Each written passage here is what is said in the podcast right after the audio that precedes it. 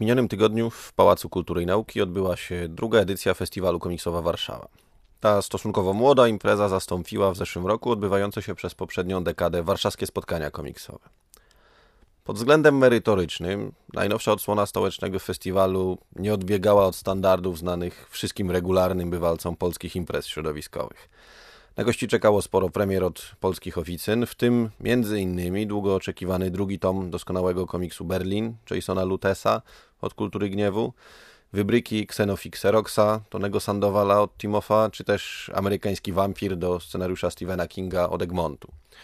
Można było też nabyć głośną antologię Chopin New Romantic, która stała się przyczyną gigantycznego skandalu na skalę międzynarodową, kiedy za sprawą zawartych w niej treści struchlałe polskie społeczeństwo z przerażeniem przekonało się, że komiks nie jest tylko i wyłącznie rozrywką dla dzieci i przygłupów. E, szczególnie cieszy też fakt, że powstało osobne stoisko dla tak zwanej małej prasy, gdzie znalazły przyjazny dom wydawnictwa niezależne i samodzielne.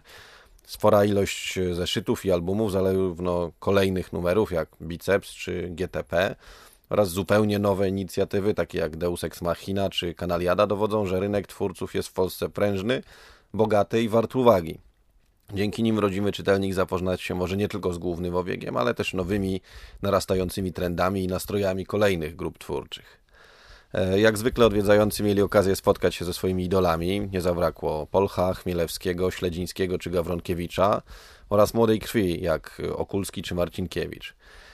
Powodzeniem cieszyły się także spotkania i sesje autografów z gośćmi z zagranicy. Sandowal i Zapiko przeżyli coś w rodzaju małego oblężenia. W sobotni wieczór, tradycyjnie, wszyscy zostający na noc w Warszawie wzięli udział w imprezie, która odbyła się tym razem w klubie Punkt B. Mimo trudnych warunków lokalowych, ponieważ ilość gości przewyższyła oczekiwania organizatorów, zabawa była bardzo dobra. Odbyła się m.in. kolejna runda komiksowych pojedynków w ramach bitew rysunkowych, prowadzona przez Przemysława Pawełka.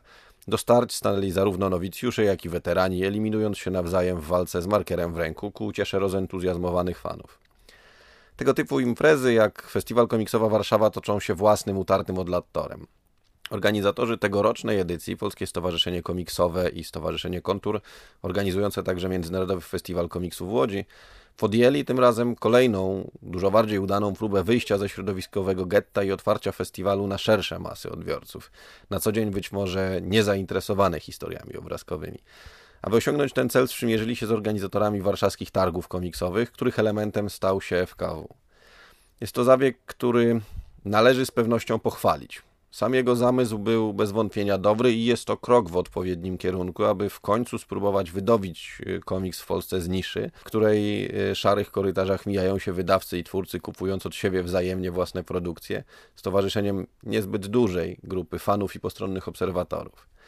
Dzięki połączeniu z dużo większą imprezą o szerszym profilu kulturalnym na festiwal trafiło sporo osób na co dzień nie mających z komiksem styczności. Ludzie w każdym wieku ze sporym zainteresowaniem przeglądali te czasem egzotyczne dla nich produkcje, zadawali niecodzienne pytania i prosili o zaskakujące rady.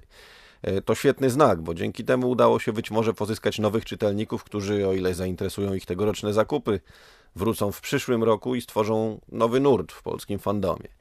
E, niestety, póki co są to raczej pobożne życzenia, ponieważ o ile sama inicjatywa i pomysł były pozytywne, to wykonanie zasługuje w najlepszym wypadku na pobłażliwą dezaprobatę.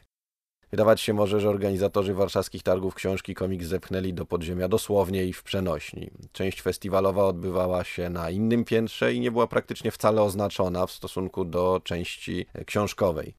Informacja w programie i dosłownie kilka tablic to dużo za mało, aby większa grupa osób, których prawdziwy tłum kłębił się między stoiskami z książkami, miała szansę w ogóle dowiedzieć się, że w tym samym budynku, na tej samej imprezie odbywa się festiwal komiksowy. I o ile organizatorzy warszawskich targów książki ponoszą tu większość winy, to do PSK i konturu niewątpliwie należy zadanie zmiany stanu rzeczy. Dopiero kiedy komiks wydostanie się z tej dosłownej i mentalnej piwnicy i stanie między straganami z książkami, wtedy będzie można mówić o wykorzystaniu potencjału, jaki daje bycie częścią dużej imprezy kulturalnej. Festiwal Komiksowa Warszawa się rozwija, ma jeszcze rok lub dwa na takie pełne określenie swojego profilu i wyrobienie marki. Czy zostanie jedynie kolejnym lokalnym konwentem dla fanów, czy może dogoni w swojej międzynarodowej sławie festiwal łódzki? A może będzie pierwszą dużą, poważną imprezą, która zburzy mur ostracyzmu i pokaże, że pogląd jakowy komiksy były dla dzieci jest bzdurą. Czas pokaże. Czas i ogrom pracy, jaki organizatorzy muszą jeszcze w nadchodzących latach włożyć w tę imprezę, aby można było zacząć mówić o sukcesie. Na razie warto dać jej spory kredyt zaufania. Trapiona chorobami wieku dziecięcego potyka się i słania, ale idzie w dobrym kierunku. Oby coraz pewniej i szybciej stawiała kroki.